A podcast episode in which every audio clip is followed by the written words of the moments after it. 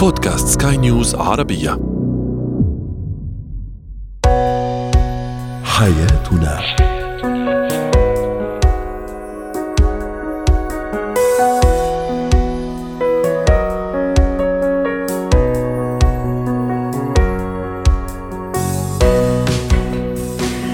معكم آسيا البشارة أحييكم وأرحب بكم في حياتنا. نناقش شؤون حياتكم بكل تفاصيلها ومختلف مجالاتها. يمكنكم الاستماع إلينا في أي وقت ومن أي مكان عبر موقع سكاي نيوز عربية ومختلف منصات البودكاست. هو وهي. يحل الليل ومن المفترض أن تخلد إلى النوم وتنعم بالراحة بعد يوم طويل. لكن شخصا بجانبك بمجرد أن يضع رأسه على المخدة تبدأ فرقته الموسيقية بعزف شتى الألحان والأصوات. حديثنا اليوم عن سمفونيه منتصف الليل التي تطرب البعض وتدفعهم إلى الأرق والشعور بالإرهاق وأحيانا الوصول إلى الاكتئاب. إنه الشخير مستمعينا الكرام إحدى مهارات الشريك، فما الذي يمكن فعله للتعامل مع هذه المشكلة المرهقة والتي تجعلك تعاني أثناء نومك ويقظتك أيضا. هذا ما ستجيبنا عنه الاستشارية النفسية الأسرية الدكتورة ريما بجاني أهلا بك دكتورة ريما أهلا فيك إذا الشخير قد يكون من أكثر النقاط شهرة وطرافة التي يكتشفها يكتشفها الشخص بعد زواجه. بداية هل يجب مصارحة الشريك بهذا الأمر قبل الزواج؟ صحيح. بتعرفي إيه، خلينا نقسمها قسمين فيها تكون قبل الزواج وفيها تكون صارت من بعد الزواج. رح نتطرق لها خلال الحلقة. إذا قبل الزواج أنا برأيي ضروري بس اليوم نحن ما نكون منتبهين. إذا قبل الزواج هل الإنسان اللي عم بيقوم بفعل الشخير هو بيعرف؟ على الاكيد يمكن أهله بيكونوا عارفين وهن مخبرينه. بس رح ننتبه لشغلة إنه أنا اليوم يمكن مش مصدق أنا آه عم عم بعمل هيدا الشيء بالليل. ما ماني مصدق أنا إيه قادر أكون عم عم شنخر بالليل لأنه نحن اليوم المشاكل الأساسية إنه الإنسان ما بيتبنى هذا الفعل نعم. إنه واعي له ابدا. مش هيك نحن اليوم إذا بدي أروح دغري النقطة اللي أشرت لها إنه إذا لازم نصارح أو لأ يمكن الإنسان لازم الأول يقتنع إنه عنده هيك المشكلة. اثنين الأشخاص اللي عم بيصارحوه إن كان عائلته أو زوجته نحن رح نوصل للكوبل لأنه كيف الطريقة اللي بدهم يصرفوه فيها إنه عم بيقوم بهيدا الشيء وشو تداعياتها على هيدا على الإنسان يلي حواليه. ساعتها نكون نحن عم نساعده يكون مرتاح إذا بدك مع هيدي الفكرة. بتعرفي أغلب الأحيان 99% ما بكون عم بالغ. الشخص اللي ومعه حق بينزعج كثير من الشخص اللي بيشنخر بيتهمه بطريقة أوقات يمكن شوي مزعجة أوقات شوي هيك مثل إنه إنت سبب المشكلة اللي أنا عم بقطع فيها. يعني إنت عم تسبب لي الأرق ما عم تقدر نام ايتو ومعه حق برجع بقول بس بتكون شوي بتحسه بالذنب. بتخليه الشخص اللي قبالنا يسكر على حاله يرفض كل مساعدة أو إنه يتقبل هذا الموضوع. مش هيك إذا بدك رح تغرى على هيدي القصة تقدر أنا صارح إنه عندي مشكلة اليوم أنا عم كون عم بتفاعل فيها وإذا عن جد جايبها معي من عند أهلي لبيت الزوجة يعني أكيد ما كنت عم بتعامل معها صح وما عم بشتغل عليها نعم. تقدر تروح طيب آه، دكتورة ريما آه، هل هناك حل لهذه المشكلة؟ يعني هل هناك علاج لهذا الأمر؟ أو قبل التوجه إلى الطبيب من أجل العلاج هل هناك أمور آه، يمكن القيام بها لينعم الشريك براحة آه، بجانب الشريك الذي آه، يشخر؟ صحيح. هون أكيد أنا من منطلق علم النفس رح كون عم بحكي. رح أرجع نعم. سريعا نقول كم نقطة قلتهم باول ما بلشنا خاصه بالحياة الزوجية. أول شيء فيها تكون أوقات يمكن بلشت عن جديد مش جاية معه من قبل okay؟ وفيها تكون أمور هلأ يمكن غير نمط حياته عم يتعب أكثر يمكن مقرب extra مشان هيك اليوم فيها إيه هون سريعا بينشغل عليها إذا ما كانت نحن بنقول لها chronical يعني إذا ما كانت آه، قديمة ومكملة معه. على كل الأحوال إن كانت قديمة أو جديدة برأيي في ثلاث خطوات أساسية. أول خطوة الشخص المزعوج بده يقوم تاني نهار مرتاح مع حاله وعلى الأكيد يخبر الشريك شو صار معه بالليل. هيدي أول وحدة. مثل ما قلت قبل شوي من دون ما يكون في critics من دون ما يكون عم يلومه ما في لوم نحن عم ندور رغم أنه دكتورة ربما يعني اضطراب النوم قد قد يجعل الشخص في ذلك الصباح ربما عصبي متوتر. اكزاكتلي مشان هيك أنا بقول يمكن بينه وبين حاله أول شيء الشريك. لازم يفكر إنه مش هو المشكلة. يمكن أول شيء جربت اقولها ورح أوضحها أكثر الشخص اللي بيقوم بفعل الشخير هو مش قصد عم يعملها آه، ومش قصده يزعجه. مش هيك؟ أوقات لازم عن جد نعرف نشتغل على حالنا نحن تنقدر نساعده. يعني اليوم إذا بدك الفكرة الإيجابية بدها تكون إنه أنا اليوم بدي اكون إيجابي مع شريكي تقدر ساعده تنخلص من هالمشكلة اثنيناتنا نرتاح. أول شيء لازم أعمل هيك communication بطريقة إيجابية وواضحة وراح روح ابعد شوي. أنا من الأشخاص بحب ال fact بحب الوقايع. لأنه أول شيء يمكن مثل ما قلتي سكر الشريك يقول له لا أنا ما عم بعمل هيك. أنا بنصح إنه يسجل له بالليل. نعم. حد يسجل بالليل لأنه إذا ويسمعوا بالليل exactly أول شيء بقول له يعني عن جد ساعتها الشريك رح يحس إنه أنا شو عم عرض شريكي بالليل. يعني عن جد بال facts من دون ما كنت قال وقلت له واضحة الأمور آه، وهو رح يكون آه، إذا بدك receptive نحن بنقول بيتقبل. بقول له okay أنا حاضر. ساعتها اثنين بيشوفوا شو الأسباب إن كانت قديمة أو جديدة ساعتها ثلاثة لازم يروح عند الحكيم. هلأ meanwhile صراحة في أمور كثير بتنشغل إنه نحط أشياء بدينينا نحط يمكن أشياء بس صراحة خيكون الدقيقة الشخير كثير بيزعج وبصير يزيد مع الوقت. طيب ماذا عن الشريك الذي يلوم شريكه إذا راح نام مثلا في غرفة ثانية تفاديا لهذا الشخير؟ يعني كيف يمكن للشريك أن يتقبل هذا الأمر؟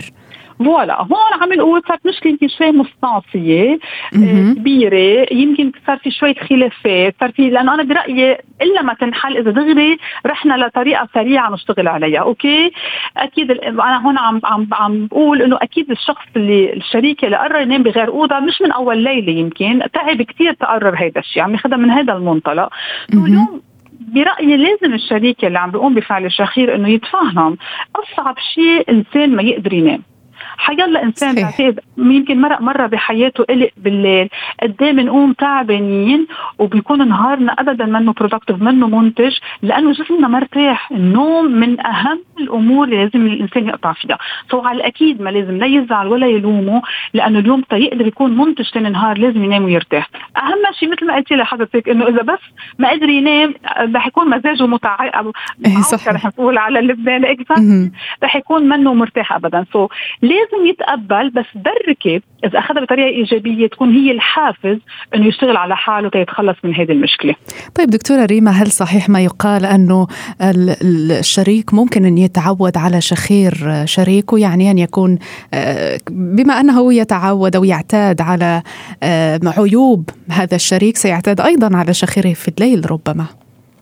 برأيي أنا بقول شوي صعبة لأنه نحن عم نحكي عن آه، إزعاج صوت بروي هيدا هيدا آه، مثل ما بيقولوا ضجيج. شخير هو منه سيمفوني. هلا سميتيها سيمفوني إيه سيمفونية بشكل يعني ساخر. صحيح 100% ما مش هيك الصوت. لأنه أحيانا فعلا الأصوات يعني مرات آه، يصم الأذن صوت تراكتور يعني أصوات غريبة فعليا. exactly so عن جد بقى أصوات كبيرة وهون صراحة أنا إذا بدي أروح للشق الثاني اللي يمكن هيدي مش شغلتنا شغلة الطبيب يقولها بس أوقات هيدا الشيء بدل على مرض معين so لازم الإنسان ما يهمل ابدا. ويمكن من المشاكل يلي بتسبب صراحة مش الشخير بحد ذاته. أول شيء يمكن قلت لك عن ال critique يلي بيقوم فيه في الشريك بس نحن ما قلنا عن الشخص اللي بيقوم بفعل الشخير عنده شغلتين بيعملهم غلط. أول شيء بياخذها باستلشاق إنه ماشي الحال اثنين ما بيقدر إنه أنا شريكي عم يهتم فيه يمكن أنا عندي مشاكل صحية بياخذها كمان باستلشاء بصحته يعني بياخذها على مستويين باستلشاء وهذا النوع إذا بدي هذا إذا بدك بيضر أكثر بالعلاقة من الشخير بحد ذاته. يتعود برأيي شوي صعبة. وخاصة نحن بنعرف كل ما نكبر شوي بالعمر في نومنا خفيف أكثر بخف أكثر صحيح. ما بحس هيدي هيدي حل بتكون إلا إذا هو عم يتغاضى عن هذا الموضوع. صعبة كمان. طيب كذلك ربما الكثير ربما من آه، من الأشخاص آه، يصحون أو يوقظون نعم. شركائهم أثناء النوم ويجب أن تنام بشكل معين وأن تحافظ على هذا النوم لكي لا يسمع شخيرك هل هذا الأمر يمكن أن يأتي بنتيجة أم أن في الأخير ومع مرور السنوات قد يتعب الشريك ويجب أن يكون هناك حل جذري لهذا الموضوع. أكيد أكيد لازم يكون في حل جذري. مش هيك؟ أنا قسمتها ثلاث أقسام. الثالثه كانت ضروريه وسريعا نروحها عند الحكيم. ضروري يكون في استشارة طبيب مختص ليوصلوا لل... للحل الجذري. لأنه كمان فيها فعل من أفعال إذا بدك شوي اللي نحن بنسميها الأجريسيفيتي مش مش عنف بمعنى العنف. وقت الشريك يوعي شريكه صراحة شوي بتكون في منها إنه أنا ما انام أنت كمان ما فيك تنام.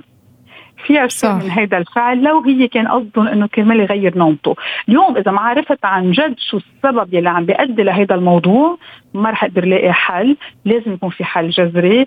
فيها تساعد كم ليلة مثل ما قلتي بس ما فيها تساعد على المدى الطويل. جميل. شكرا لك. هي الاستشارية النفسية والأسرية الدكتورة ريما بجاني. زينة الحياة. نتحدث الآن عن الأطفال آه الذين آه يفضلون آه الأبناء تحديدا الذين يفضلون اللعب بلعب الإناث والبنات اللواتي تفضلن اللعب بلعب الذكور. وهذا يجعل بلا شك غالبية الآباء والأمهات يقلقون أو يشعرون بالانزعاج عندما يلاحظون مثلا الطفلة تنجذب لإمساك مسدس مسدس بلاستيكي ومحاكاة دور المقاتل أو لعب المسيفة أو أيضا لما يلاحظ أحد الآباء والأمهات أنه الطفل يميل إلى اللعب بدمى باربي مثلا وتلوينها ويعني أن يتم تلبيسها بلباس بنات وألوان بنات أيضا. تنضم إلينا للحديث عن هذا الموضوع الخبيرة التربوية دكتورة نور وليد. أهلا بك دكتورة نور. إذا هل يمكن للعبة التي يقع عليها اختيار الطفل أن تتدخل في تكوين شخصيته وتحديد هويته أو تثير القلق والانزعاج من طرف الوالدين؟ الألعاب عموما هي بت تنمي مهارات الطفل ولكن لا تؤثر على جنسيته إلا إذا كان الأهل اتدخلوا في اللعب آه، مع الأطفال، يعني الفكرة اللي بلشنا فيها إنه ده الولد ده إذا لعب بألعاب البنات والبنات لعبت بألعاب الاولاد، من وين إجت هي الفكرة؟ من وين هذا السؤال والنمط؟ هذا نمط الصراحه نمط قديم متوارث إنه الأولاد بيلعبوا مثلا ألعاب السيارات، ألعاب الكرة والألوان هي الغامقة لهم، والبنت نفس الشيء إنه البنت ألوانها يعني هناك عرف كرس هذا هذا الأمر مع الأسف مع متوارث معلومة خاطئة أو متوارثة عند الأهل فعم بخافوا إنه الأولاد إذا لعبوا آه، عكس آه، هويتهم. وهي الهوية أصلا هم حطوها الناس السابقة لأنه آه، بتصير الفكرة إنه هي إذا الولد لعب بالعاب البنات معناتها حتغير من هويته وعلى العكس البنت كذلك. فالفكرة إنه كيف أصلا لعب الولد بالعاب البنات إذا كان في عنا عدة خوات واجا الولد فطبيعي من حبه يلعب بالعاب خواته. وعلى العكس لو البنت عندها إخوان أولاد أكثر فهي من حبها بتلعب معهم. ومع إنه ما في مشكلة حتى لو ودينا أولادنا يلعبوا واختاروا الألعاب اللي فيها أنوثة أو الألعاب اللي هم حطوها هي ألعاب أنوثة للبنت أو العكس ما فيها أي مشكلة. آه، بس للأسف الأهل فاهمين غلط انه هي الألعاب رح تأثر بهويته على العكس ما حتأثر أي أي من الهوية على العكس حتنمي عندهم المهارات والعواطف. يعني كيف إذا الولد مسك الباربي ولعب فيها هاي بتزيد عنده العاطف إنه يصير لقدام بس يكبر يصير عنده اهتمام بالأطفال ويكون أب حنون. على مثلا لو لعبت بالسيارات والقطارات ممكن تصير مهندسة ناجحة. صحيح صحيح. يعني اللعبة آه، كما قلت تساعد على تعلم الطفل لمهارات معينة ولا تدخل بأي شكل من الأشكال آه، في تكوين آه، شخصيته كما يعتقد بعض الآباء والأمهات وبالتالي هي أمر غير مثير للقلق. طيب دكتورة نور خلينا نتكلم على اللعبة بحد ذاتها. هل هناك لعب معينة يجب أن يمتنع الأطفال على على اللعب بها؟ مثلا اللعب التي تكون أكثر عنفا؟ أم أن الأمر لا, لا مشكلة فيه مثلا المسدسات أو السيوف؟ كل هذه الأمور التي ربما تستخدم في القتال.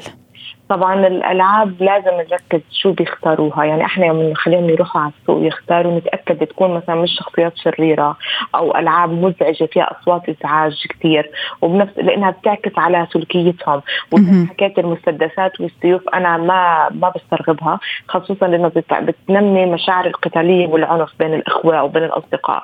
فلازم إحنا نفهمهم. يعني هم أكيد حيشوفوها وحيهوهم إنه يشتروها بس إحنا لازم نفهمهم إنه هاي اللعبة ممكن تأذيك بس تلعب فيها تأذي صديقك أو أخوك عينه أو جسمه أو هاي الموسيقى بتضل إزعاج كثير بتضلها شغالة بتضايق قدام فلازم يفهم الطفل في ألعاب مزعجة للسمع وفي ألعاب مزعجة آه، نفسيا. فلازم نحدد لهم إياها. وبعدين إذا اختار زي ما حكينا الألعاب البنات أو الأولاد لابد إنه الأهل في نقطة مهمة لازم ينتبهوا فيها. مع الأسف الأهل بس يخلوا الأولاد يشتروا الألعاب بقول لك وقت. يعني خلص ياخذ اللعب ويلعب جوا أو يلعب مع مين ما بده. وطبعا هذا غلط. لازم الأهل هم يلعبوا مع أولادهم ويفهموهم كيف اللعب ويعطوهم هويتهم. يعني إذا كان الأم ابنها اختار الباربي يلعب فيها تقول له أنت أبوها. أو أنت أخوها. فهون بيشعر بهويته إنه هو الولد مش هو الأم. لأنه الولد إذا مسك اللعبة من غير ما أمه توجهه والاب فهو رح يقلد مين؟ أمه أو أخته. له مشاعر الأمومة والأخوة لأنه هو بيقلد أي شيء الطفل كائن مقلد ما بتنمي مهاراته ولا تنهيك بناء على اللي بيكتسب من مهارات والمشاعر اللي حواليه. فالولد لازم نحن نقعد ونوجهه ونقعد نحن نلعب معه. فلو الولد مثلا زي ما حكينا فهمناه شيء الألعاب المزعجة والشريرة وتيجي على الألعاب الثانية أختار الباربي بيلعب مع أخته أو إحنا نلعب معاه نقول له أنت الأخ أو أنت الأب دور الأب. فهون بيفهم انه هو هويته ذكر بس عم يلعب بلعبه انثويه وعلى العكس لو البنت مسكت القطار أو مسكت السيارة ممكن نقولها أنت المهندسة أنت مثلا الطبيبه مثلا مسكت لعبه ولد. فهون إحنا بنعطيهم الهوية. إذا كانوا خايفين على الهوية فهون إحنا وجهناهم شو هي الهوية. وبنفس الوقت وجهنا شو دورهم باللعبة وإنه بالأخير عم يلعبوا ونطورهم بمشاعرهم وبخبراتهم العقلانية إنها تتطور. طيب دكتورة نور أيضا ربما هناك معايير لاختيار اللعب. آه، تختلف من أعمار آه، في كل مرحلة عمرية آه، للطفل. صحيح. طبعا الأعمار اللي بتبدا تحت ثلاث سنين أصلا الحلو أصلا صارت الألعاب. إذا بنيجي عن محلات الألعاب بيكون كاتبين لك من 0 تو 1 من 0 ل 1 أو من 1 ل 3 ومن 3 ل 5 وهكذا. لأنه في بعض الألعاب إذا كانوا آه لازم نتأكد بالعمر لأنه في ألعاب حجمها بتكون صغيرة كثير وإذا الطفل من أول عمره سنه لسنتين بحب يكتشف عن طريق الفم. فممكن يحط يحطها ممكن يصير اختناق. صحيح. مضبوط فلازم إحنا ننتبه مش أي لعبة ونجيب له إياها. فلازم ننتبه أول شيء للعمر لفئه الأعمار اللي منتسبه لهي اللعبة. بعدين نشوف الألعاب اللي تحت خمس سنين يفضل أكثر شيء تكون آه، ألعاب آه، مهارية تعليمية أكثر إذا كان فيها أرقام حروف أصوات الحيوانات آه، ممكن كمان زي مطبخ ما المطبخ دائما بيربطوها للإناث. طب إحنا فينا نجيب المطبخ للولد ويتعلم الفواكه والخضروات وأدوات المطبخ واللتر والجرام. فهون إحنا بنحاول تحت الست سنين خمس سنين يعني ثلاثة لخمسه بنختار الألعاب التعليمية أكثر آه وبعد الست سنين هون بنخليه يختار شو بحب يلعب. مو غلط إنه زي ما حكينا يختار لعبة بس المهم إحنا نشاركه باللعب نشاركه بدوره باللعب ونشاركه كمان إنه شو عم بيلعب باللعب. وممكن هلا قدام شوي يصير يحب يلعب البازل أكثر زي التركيب آه، اللوجو الشطرنج. هدول اللي كثير بتنمي عندهم المهارات الذكيه فإحنا لازم كمان نركز بهاي المواضيع ونعطيهم الحرية في اختيار لأنه في كثير كثير ألعاب من البازل كثير ألعاب من التطوير الذات. فبنعطيه الحرية شو يختار. وحتى لو اختار مش من هدول الألعاب المهم مرات إحنا بنحب إنه ياخذ مساحة في اختيار اللعب ونلعب. جميل. شكرا جزيلا لك الدكتورة نور وليد الخبيرة التربوية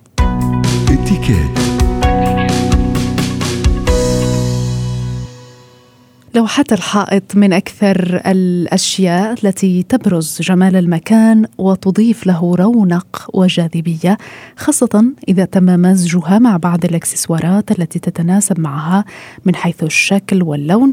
كل هذا مع مراعاة طريقة ترتيب اللوحات على الحائط بطريقة متناسقة وتزيين الحائط باللوحات الجدارية قد يكون من أهم العوامل التي تضيف لمسة جمالية وتعكس الذوق الرفيع لصاحب المكان. سنتحدث عن قواعد اختيار وتعليق لوحات في المنزل مع آه، خبيرة الديكور المنزلي الأستاذة فاتن ملكية. أهلا بك أستاذة فاتن. آه، قبل أن نتحدث عن القواعد آه، و وقوانين اختيار هذه اللوحات. ما الهدف من وضع اللوحات المنزلية؟ هناك من يرى الأمر كضرورة وهناك من يعتبره ترف. آه شكرا لك. آه بصراحة أنا شخصيا بعتبر هذا الشيء آه ضرورة حتمية لكل منزل آه، وجود اللوحات الفنية فيه لأنه اللوحات الفنية هي جزء لا يتجزأ من أناقة وجمال كل منزل. فالبيوت الخالية من اللوحات آه، تفتقد إلى روح المكان. فتعتبر اللوحات آه، بشكل خاص تعبر عن عن ذوق أصحاب المنزل وهي غالبا ما تكون من اختياره. هي العنصر الأكثر استبدالا آه، بين ديكورات المنزل والعنصر الفعال في خلق الحيوية فيه. جميل. طيب أستاذة فاتن نعم لننطلق لننتقل إلى اختيار اللوحات. هل يتم اختيارها بناء على حجم المكان طبيعته لون الجدار؟ يعني أعطيني أعطينا بعض النصائح لنختار اللوحة بداية التي تناسب هذه الغرفة وهذا الركن من المنزل.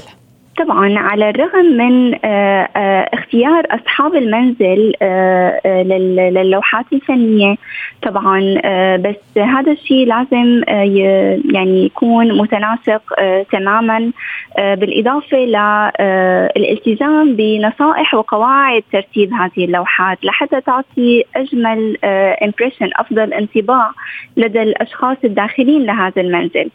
من أهم النصائح طبعا آه، هي تناسب آه، هي اللوحات مع المكان. فلازم ياخذوا بعين الاعتبار قبل كل شيء آه، قبل شراء وتعليق لوحات المنزل لازم ياخذوا نقاط معينة بعين الاعتبار مثل المساحة طبعا والألوان. هذا من أهم النقاط اللي لازم يلتزم فيها الشخص باختيار اللوحات. أستاذة فاتن أعطينا أمثلة على هذا الموضوع. مثلا آه، وضع لوحات آه، كبيرة على الجدار آه، لازم تكون في أعلى الأساس القطع الكبيرة. يعني في إذا في عنا سوفا أو في عنا دروسوار أو في عنا أي مكان قطعة أساس كبيرة فمفروض القطع اللوحات الفنية الكبيرة الحجم تكون فوق هذا المكان فرح تكون مثالية. أما إذا حطينا آه مثلا آه آه قطعة أساس آه، صغيرة فما فينا نحط قطعة آه، لوحة فنية فوق هي القطعة. فرح تعتبر كتير فجة وكتير غير مريحة للنظر. آه هي وحدة من الأساسيات. آه بالإضافة أنه مساحة الحائط. يعني نحن لازم بالديكور الداخلي لازم ناخذ نقطة ارتكاز. نعم. نقطة الارتكاز هي بتكون غالبا النقطة يلي بيكون في عنا جدار مساحته كبيرة وخالي. هذا الجدار الخالي لازم نعبيه بديكوريشن معين. فينا نختار لوحات فنية وكمان بنفس الوقت فينا نختار آه، قطع إكسسوارات كمان. آه، غير اللوحات فينا نختار إكسسوارات تتعلق أو إضاءة معينة تتعلق. بس الشيء الاهم آه، أنا برأيي إنه اللوحات الفنية هي أكثر آه، مناسبة لتعليق لتعليق على الجدران الفارغة الجدران الكبيرة. ولازم هل الالوان يجب أن تتناسق مع أثاث المكان؟ أو أننا لما نشتري نريد تجهيز البيت قد نرغب في اقتناء لوحة فنية وبعدها وعلى أساسها ننسق معها أثاث البيت. آه، ممكن بالحالتين. هلا إذا نحن كنا عم نفرش بيت من أول وجديد آه، فينا نختار اثنين. إذا كان في عنا آه، لوحات بذهننا معينة وحابين إنه نقتني هي اللوحات فينا نحن ننسق ننسق قطع الأساس والوانها بناء متناسبة مع هي اللوحة وممكن بالعكس كمان. غالبا غالبا بمعظم الأحيان نحن من بنشتري الأساس ومن بعدها نحن بنختار اللوحات الفنية. بس كمان بصير بالعكس. إذا نحن كنا عم نعمل أساس جديد للبيت. ونحن كنا كثير راغبين بقطع فنية معينة. آه كمان بنفس الوقت آه غير إنه الألوان تتناسب.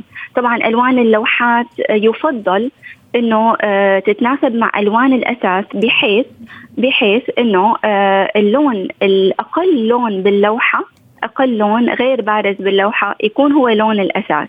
فرضا اذا عندنا لوحة ملونة آه، فيها ألوان الغالب على هي الألوان فرضا ممكن يكون اللون البوردو آه، فيها شوي من اللون البلو فيها لون ثالث أو رابع.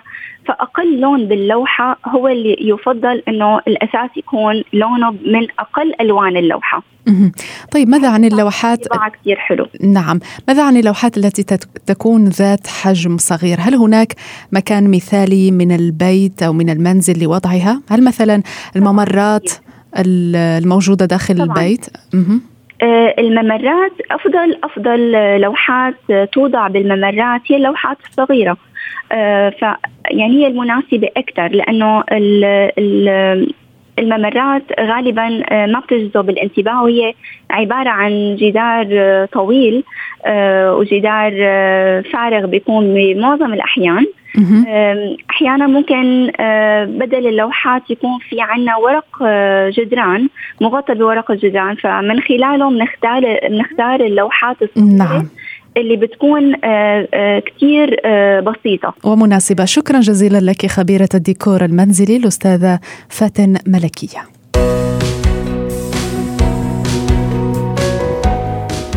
ختام هذا العدد من حياتنا إلى اللقاء.